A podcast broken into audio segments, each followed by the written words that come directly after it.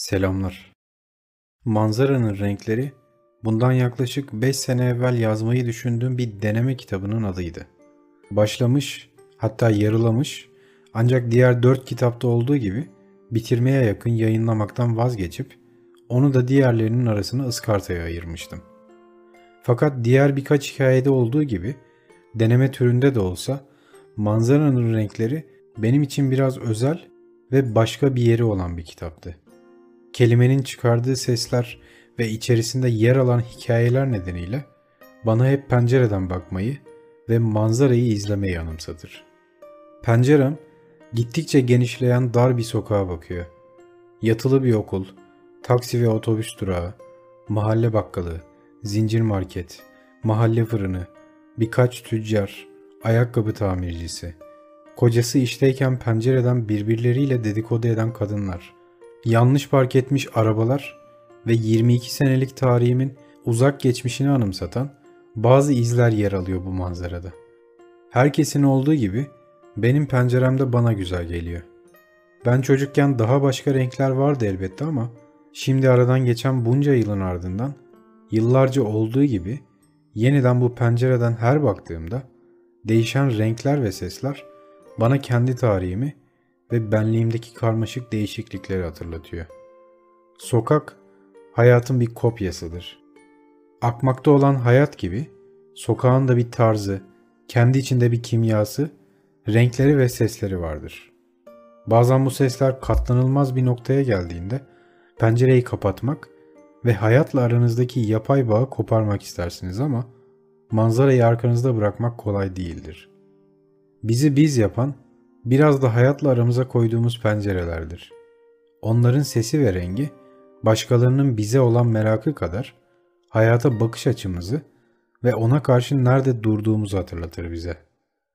Deneme türünde olsa da bir hikaye kitabının çıkış noktasının pencereden bakmak ve manzarayı izlemek olması beni mutlu etmeye ve bu düşünce her aklıma geldiğinde yeniden kafamı çevirip pencereden bakmama yetiyor. Yanlış anlaşılmasın, sanıldığı gibi 22 senedir aynı yerde yaşayan insanlar gibi üstüme yapay bir mahalle kültürü sinmiş değil. Saçma ve yerli mahalle dizilerindeki gibi yürürken esnaflara selam verilen bir yaşam tarzımızın olmadığını hepimiz biliyoruz. Üstelik ben yayınlamaktan vazgeçtiğim ve manzaranın renkleri adını verdiğim o kitabımda kesilen elektriklerden, ilk mektuplardan, intihardan, çirkinliğin cazibesinden, kestirme sokaklardan, mutlu olmak için yapılabileceklerden, tuhaf rüyalardan, yalnızlıktan ve yazar olmayı istememden bahsetmiştim. Yani aslında ben de pencereden bakan adama bakan adamın manzarasını resmetmiştim. Her zaman pencereden bakan adam olmayı sevmişimdir. Ama bazı zamanlar pencereden bakan adamı izleyen hayali benliğimi de hayal ederim. İnsan zaten biraz şanslıysa bu hayatta bazı fotoğraflar ve manzaralar biriktirir ve kafasının içindeki bu güzel görüntülerle defnedilir. Toprağın altı milyonlarca güzel, çirkin, eşsiz ve rengarenk fotoğraf karesiyle doludur. Kitabı yazmaya ilk başladığımda, daha doğrusu kafamda bir fikir parçacığı olarak yer ettiği ilk anlarda, ev içlerinden, kokulardan, eşyalardan, seslerden, sokaklardan ve şunlardan şunlardan bahsetmeyi istediğimi hatırlıyorum. Manzarayı düşündüğümde, yani manzara kelimesini duyar duymaz, onun çıkardığı ses ve çağrıştırdığı hikaye gereği bir portre çizmek istemiştim. Söz sanatı bu konuda oldukça zengin ve maharetli bir malzemedir. Esasında bir sihir gücü yaratabilirsiniz. Fakat çoğu zaman tuhaf bir sonuca götürür sizi. Ama tuhaflık nadirdir. Az rastlanır. Bu yüzden de tehdit olarak görülür ve korkulur ondan. Çünkü tabiatımız gereği bilinmezlik, belirsizlik gibi bulanık ve karanlık şeyleri korkunç buluruz. İnsanlar olarak net ve belirgin şeyleri sever, bilinmeze merak duyarız. Bu yüzden de kafası biraz çalışan ya da farklı çalışan birini gördüğümüzde önce ona bir merak ve arzu duyar, hemen sonra onu lav etmek ya da şeklini değiştirmek, bize katmak isteriz.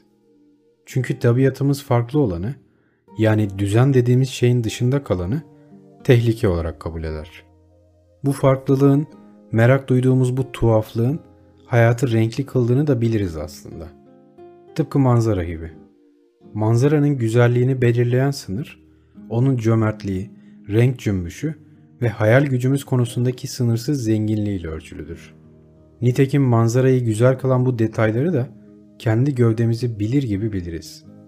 Aklımız, hafızamız, insan ormanında gezinen hayal gücümüz, manzarayı güzel ve eşsiz kılanın yine bu farklılıkların, tuhaflıkların olduğunu da bilir. Ama doğamız her koşulda onu öteki ve tehlikeli olarak kodlar. Fakat ben ötekinden, bahsedilmeyenden, yani manzaraya bakınca detaylarla şekillenen hikayelerden bahsetmeyi seven ben, en başından biliyordum. Kafamın içinde filizlenmeye başlayan bu tuhaf fikrin beni başka başka sokaklarda gezdireceğini. Her kitap yazma, her hikaye kıvırma macerası biraz da böyle gelişir zaten. Bilinmeze yolculuk. Bilinmeze yolculuklar tıpkı uzak otobüs yolculukları gibidir.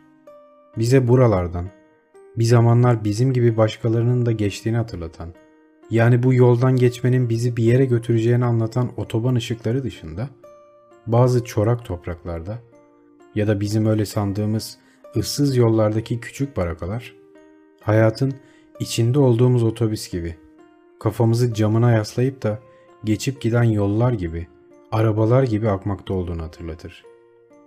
Bu benzersiz yaşam parçacıklarına ne zaman tesadüf etsek, kendimizi emniyette hissederiz. Zaten aklımız onu kaybetmeyelim diye böyle kendimizi güvende hissetmemizi sağlayacak emniyetli şeyler de geliştirir ki hikayenin inandırıcılığı artsın. Bahsini ettiğim Manzaranın Renkleri kitabında benzer bir formülü ben de kullanmıştım. Fakat manzara sanıldığı gibi pencerelerle sınırlı değildir.